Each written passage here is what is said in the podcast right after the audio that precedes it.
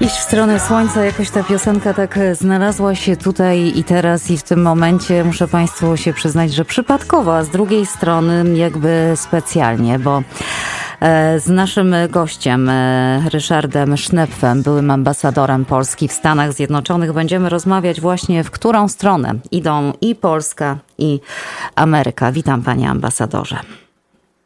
Dzień dobry, kłaniam się pięknie wszystkim.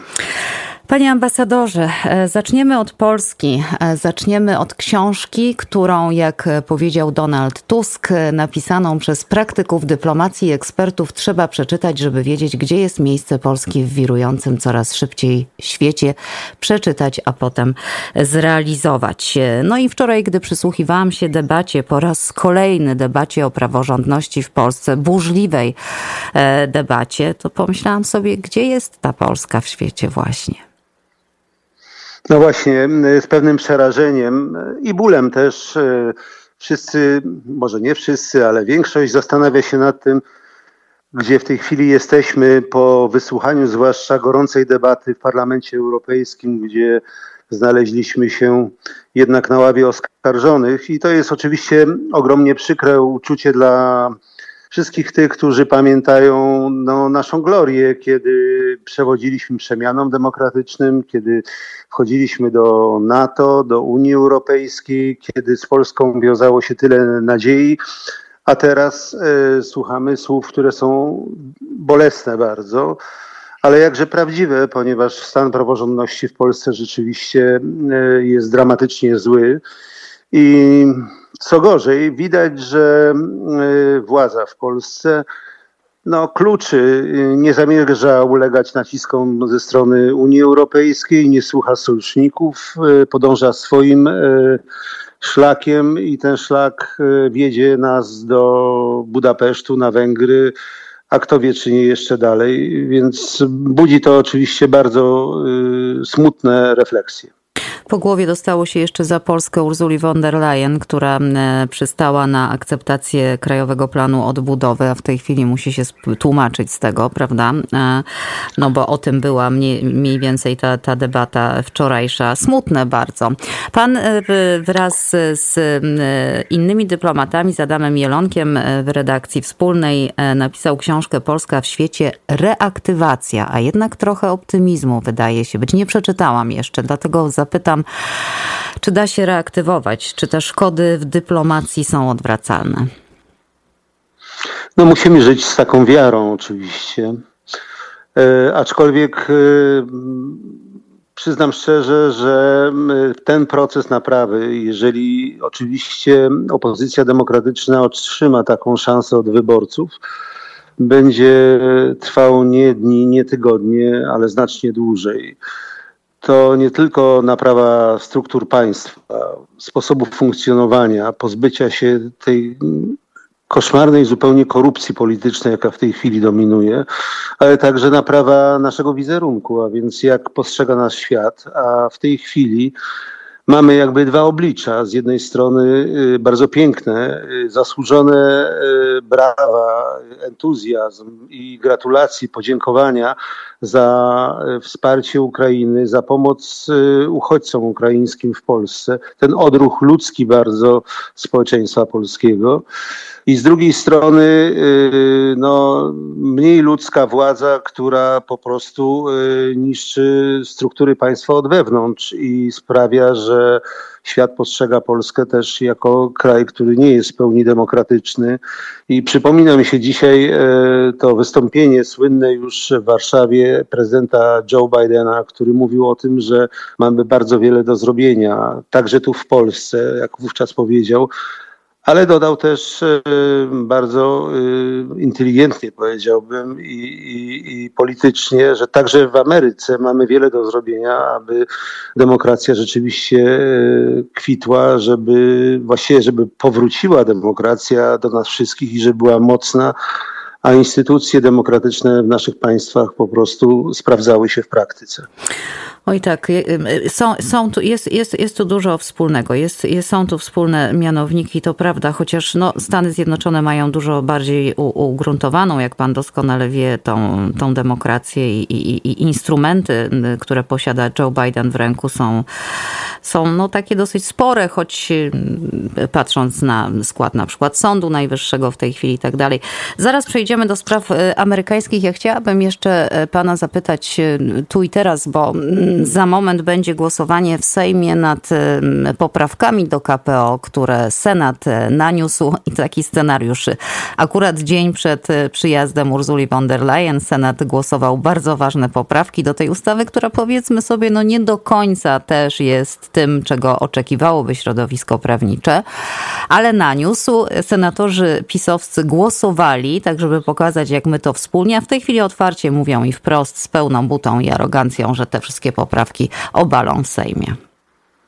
Tak, że to wszystko się y, trzeba wrzucić do kosza i muszę powiedzieć, że ta gra polityczna jest rzeczywiście y, niebywale cyniczna. Y, głosuje się w Senacie za po to, żeby później ta sama partia, ta większość parlamentarna odrzucała później te skądinąd kosmetyczne dosyć jednak poprawki, jakie Senat naniósł licząc na to, że coś się da z tym jeszcze zrobić, z tym projektem, który wygenerował Pałac Prezydencki i który był e, chory już od, od urodzenia właściwie. Ale ta próba naprawy, jak widać, e, jak to obserwujemy, po prostu spełznie na niczym i okaże się, że w tym całym planie, od, programie odbudowy, sięganiu po, po środki europejskie jest jakiś po prostu Y, cyniczny plan właśnie y, udawania czegoś, że coś się robi, a w rzeczywistości y, stan praworządności w Polsce pogarsza się i mieliśmy na to dowody ostatnio. Nominacje do Krajowej Rady Sądowniczej i no, arogancja, z jaką niektórzy przedstawiciele traktowali czy potraktowali kwestię powrotu do, do wykonywania zawodu przez zawieszonych sędziów.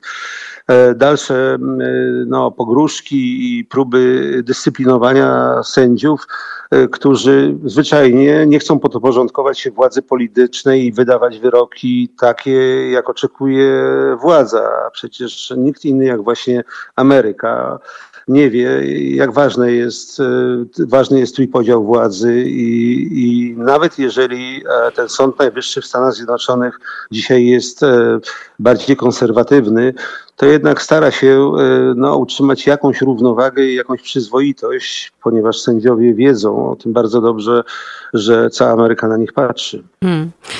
No tak, oni, oni znają ciężar i, i, i szanują ciężar tej odpowiedzialności, jednak mimo wszystko, to prawda. No to przejdźmy już do tej Ameryki. Smutne u nas czasy w Ameryce ostatnio. Mam na myśli masowe strzelaniny. 21 osób w Uvalde, 19 dzieci ginie. Wcześniej na tle rasistowskim w Buffalo, tydzień wcześniej, 10 osób ginie. Potem jeszcze mamy napad w szpitalu, ginie lekarz, druga lekarka, niewinny pacjent, recepcjonistka, a wszystkie te, wydaje mi się, akty mają jeden wspólny mianownik frustracja. I, no i oczywiście dostęp tak łatwy e, do broni e, w Stanach Zjednoczonych. Wczoraj wystąpił e, Matthew McConaughey, nie wiem czy pan gdzieś tam odnotował w Białym Domu. On urodził się w Uvalde i mm, przekonywał do tego, że trzeba te przepisy zmienić i wyrażał nadzieję, że to jest ten moment. Myśli pan, że to jest ten moment, że w Ameryce da się coś zrobić w tym temacie? Znaczy ja, ja wciąż muszę powiedzieć, że nie potrafię mówić o tym bez emocji. Y, podobnie jak y, społeczność, myślę, myślę, że całego świata. Y, jestem wstrząśnięty po prostu wydarzeniami, zwłaszcza z Uwaldi. Te, te niewinne dzieci, no to jest, to jest coś tak po prostu przerażającego, że trudno właściwie opisać, jakie właśnie uczucia to wzbudza, bo, bo opis ten szedłby bardzo daleko. Y, ja muszę powiedzieć, że ja jestem y, zaskoczony kwestią y, no, prawodawstwa w odniesieniu do posiadania broni już od dawna. Przecież jesteśmy świadkami statystycznie codziennie. Codziennie jesteśmy świadkami śmierci ludzi z, z powodu prostego frustracja, jak pani powiedziała, brutalizacja życia publicznego, ale też z powodu niezwykle łatwego dostępu y, do śmiercionośnej broni. Y, to są y, karabiny maszynowe, to, są, to jest broń bojowa i na dodatek bez prawie ograniczeń wiekowych. Znaczy po osiągnięciu 18 roku życia można po prostu spokojnie taką broń kupić w większości stanów. Ja to nawet sprawdziłem o ile dobrze pamiętam, 11 zaledwie stanów wprowadziło jakiekolwiek ograniczenia, w pozostałych nie ma w ogóle żadnych. To są przeważnie stany na, na wschodnim wybrzeżu i, i, i na zachodnim. Cały, całe centrum Ameryki, to te, te, ta wielka społeczność, te, te wielkie tereny właściwie y, pozwalają na dysponowanie y, bronią y, bez ograniczeń. I te wydarzenia w połączeniu właśnie z rosnącym problemem oczywiście zdrowia psychicznego też, które możemy to tłumaczyć na różny sposób. I pandemia, izolacja i, i wiele innych, i poziom e, dyskursu politycznego niezwykle agresywnego, podziały społeczne, e, nie tłumaczą jednak, że e, Ameryka z jednej strony kolebka demokracji jest, wiedzie prym niechlubny, jeśli chodzi o, o posiadanie broni. To przede wszystkim przypomnę tylko, że na jednego obywatela amerykańskiego przypada 1,2 E, sztuk broni palnej, e, to, to jest e, o 50% więcej niż następny kraj. Panie Ku mojemu zaskoczeniu następny kraj to jest Serbia, mhm. co, co jest trochę zaskakujące, ale generalnie są to kraje dosyć odległe. Ale i tam nawet nie ma takiego poziomu po prostu agresji społecznej, która no, właśnie skłania ludzi do sięgania po tak y, dramatyczne środki. Więc y, czy będzie? Czy tutaj większość moich y, kolegów, ekspertów też jest pesymistami. Ja wciąż wierzę, że jednak w kraju, w którym o ile dobrze znowu pamiętam, prawie 30 tysięcy osób ginie w wyniku właśnie użycia prywatnego użycia broni. To nie są wypadki, to nie są, to są po prostu strzelaniny. 30 tysięcy osób rocznie. To y, te dane po prostu przerażają. Liczba broni w posiadaniu właśnie y, obywateli. Y, też kult pewien, to jest kultura oczywiście, której historię znam, ale od czasu, kiedy powstawała, kiedy rodziła się konstytucja amerykańska i druga poprawka do konstytucji, Minęło bardzo wiele lat i państwo dzisiaj szczyci się z ty, tym, między innymi państwo amerykańskie właśnie, że, że sprawuje opiekę nad swoimi obywatelami i zapewnia im bezpieczeństwo. Zapewnia im bezpieczeństwo przeciw terrorystom, ale przede wszystkim powinno zapewnić przeciwko miejscowym, własnym terrorystom, bo to są ludzie, którzy są terrorystami de facto i którzy no, niezwykle boleśnie niszczą tkankę społeczną, y, to powodują to, że ludzie będą się po prostu bali posyłać dzieci do szkoły, że przed szkołami y, publicznymi i prywatnymi będą posterunki, wielkie y, zgromadzenia policji czy wojska po to, żeby chronić dzieci. Muszę powiedzieć, że to nie jest widok, który, z którego można być dumnym. Oczywiście i, i to się już dzieje, to już jest. Ja, kiedy wydarzyła się tragedia e, w Newtown 10 lat temu, to moje dziecko zaczynało chodzić do szkoły i od tego czasu ja zawsze mam lęk, jak ona jedzie do tej szkoły. To nie jest normalne, ale tak jest. I e, to, o czym pan powiedział, śmierć, e, statystyki, badania wskazały, że najwięcej dzieci w Stanach Zjednoczonych nie umiera w tej chwili z powodu chorób, na przykład nowotworowych wypadków, tylko właśnie w związku z bronią palną. No nie mówię, że to tylko masowe strzelaniny, ale gdzieś tam w domu, gdzieś tam w otoczeniu rodziny, no dostępność broni, to, to, jest, to jest to, z czym się mierzymy. Druga poprawka 200 ponad lat temu. Też miejmy, miejmy rozeznanie, jaka broń wtedy była dostępna i jakie czasy były, prawda? Nie mówiliśmy o maszynowych karabinach e, takich jak e, te AR-15, z których korzystali i sprawca w Buffalo i, i sprawca w, w Uvaldi, który to sobie poszedł w urodziny i kupił tę broń po prostu tak jak lizaka czy loda prezencie urodzinowym. No, no to, to, to są rzeczy, które no wydawałoby się, Amerykanie nie są durnym narodem, prawda? A jednak, wie pan, ja się obawiam, bo, bo na pewno pan śledził to i widział pan e, konferencję NRA, NRA e, dwa dni po tym, e, co wydarzyło się w Uvaldi, również w Teksasie. Oni nie mieli problemu z tym, żeby się zebrać i dyskutować o broni. Były prezydent Trump nie miał problemu, by powiedzieć, że to nie jest problem dostępności do broni, tylko chodzi o to, żeby zły, zły guy, bad guy, czy tam zły człowiek, który ma broń, trafił na dobrego człowieka, który ma broń. No to są bzdury.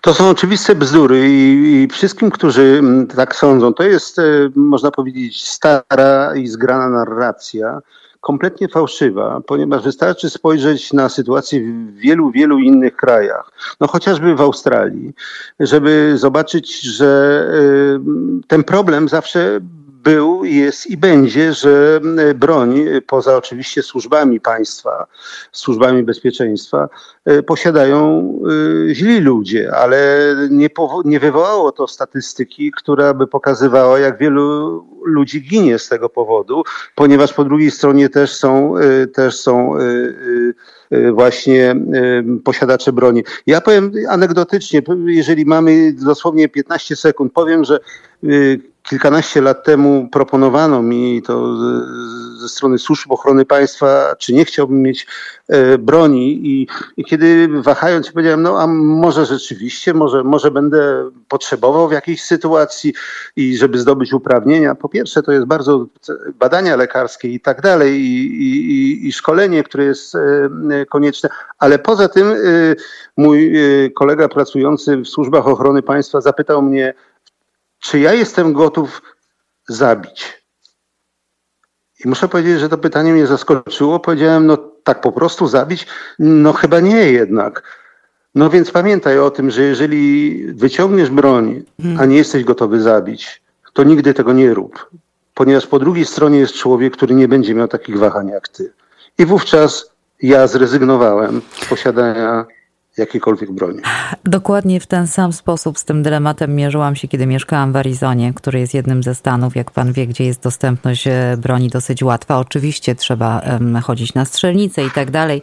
I ja też e, właśnie powiedziałam wtedy do mojego męża, słuchaj, ja nie jestem gotowa zabić, więc ja nie chcę mieć tej broni, bo jak ja ją wyciągnę, to ten facet czy, czy kobieta po drugiej stronie się nie zastanowi, tylko do mnie strzeli, a ja nie. No więc e, i to jest bardzo ważny aspekt i, i o tym też się nie mówi, a to jest, no pan, u nas ta broń, no to po prostu jest tak, no na porządku dziennym.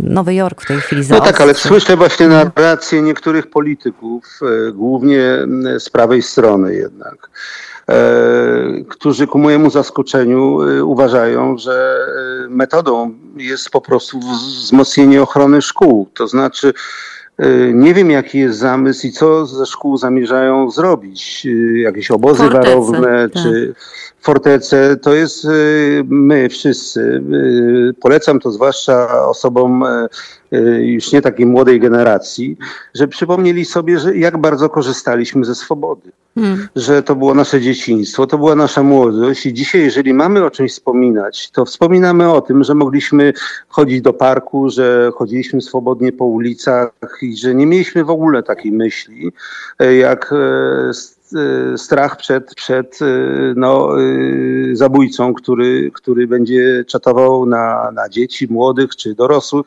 po to, żeby, żeby nie wiem, jakiś swój czarny sen spełnić. Więc warto pomyśleć o tym, że, że jakość życia polega na tym, że mamy możliwość korzystania ze swobody pod warunkiem oczywiście, że korzystamy z niej rozsądnie.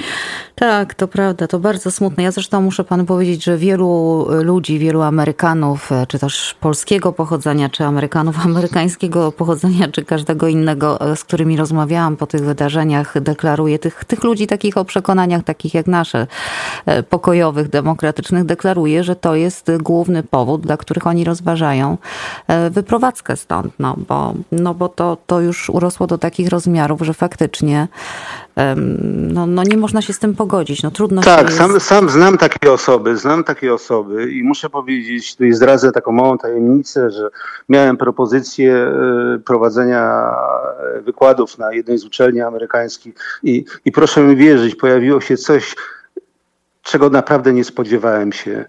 Znaczy druga myśl, no dobrze, pojadę z dziećmi, ale czy one będą bezpieczne? Hmm. Hmm. Wcale się panu nie dziwię. Wcale się nie dziwię. Panie ambasadorze, dziękuję pięknie, chociaż trochę omówiliśmy to, w którą stronę zmierza Ameryka, choć jak umawiałam się z panem ostatnio, to jeszcze nie, tych, tych rzeczy nie było, one, one się nie wydarzyły i wciąż przed nami to, to, to pytanie Quo Vadis Ameryko, Ameryko, jeśli chodzi o podziały w Ameryce i pan wie, że prezydent Trump mm, przygotowuje się do ponownego startu. O tym będę chciała następnym razem z panem porozmawiać. Co to będzie? Co to będzie dalej? Tak, z całym, całym sercem jestem z Ameryką i Amerykanami i, i życzę im i, i dobrych wyborów. I niech nikt już nie szkodzi amerykańskiej demokracji. Powiedział Ryszard Sznep, był ambasador Rzeczpospolitej w Stanach Zjednoczonych. Dziękuję raz jeszcze, panie ambasadorze. Ja też dziękuję. Do usłyszenia.